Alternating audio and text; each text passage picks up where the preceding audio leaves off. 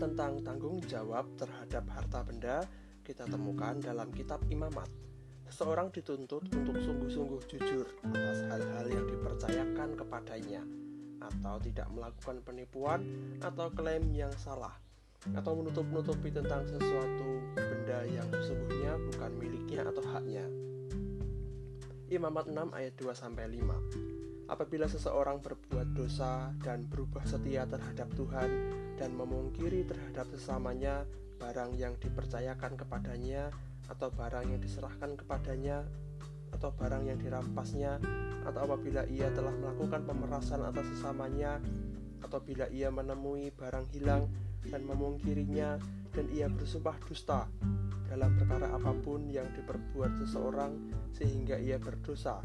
Apabila dengan demikian ia berbuat dosa dan bersalah maka haruslah ia memulangkan barang yang telah dirampasnya atau yang telah diperasnya atau yang telah dipercayakan kepadanya atau barang hilang yang ditemuinya itu atau segala sesuatu yang dimungkirinya dengan bersumpah dusta haruslah ia membayar gantinya sepenuhnya dengan menambah seperlima. Haruslah ia menyerahkannya kepada pemiliknya pada hari ia mempersembahkan korban penebus salahnya.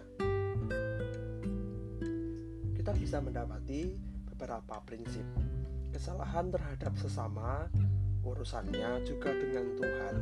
Ini menunjukkan konsistensi hukum Allah dari perjanjian lama hingga hukum kasih yang Yesus ajarkan tentang mengasihi Allah dan mengasihi sesama. Ketika orang berbuat sesuatu yang buruk kepada sesamanya, bahkan termasuk berbuat sesuatu yang salah kaitannya dengan harta benda sesamanya, kesalahan itu juga diperhitungkan sebagai dosa kepada Tuhan. Kemudian kita harus memperhatikan bahwa barang bernilai lebih daripada sekadar barang ketika ia ada di dalam relasi antar manusia pada barang itu ada kepercayaan seorang dengan yang lainnya.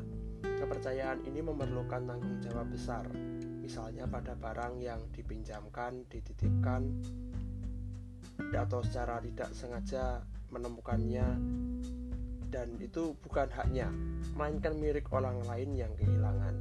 Selain itu, seseorang juga harus dapat dipercaya ketika menggunakan barang bersama dan suatu larangan untuk mengklaim itu sebagai miliknya sendiri. Pelanggaran terhadap kepercayaan dan tanggung jawab tersebut adalah dosa. Hal lain yang dilarang adalah pemerasan, tindakan meminta dengan memaksa, mendesak, mengancam, dan sebagainya. Barang yang diperoleh dengan demikian adalah hasil kejahatan dan dosa.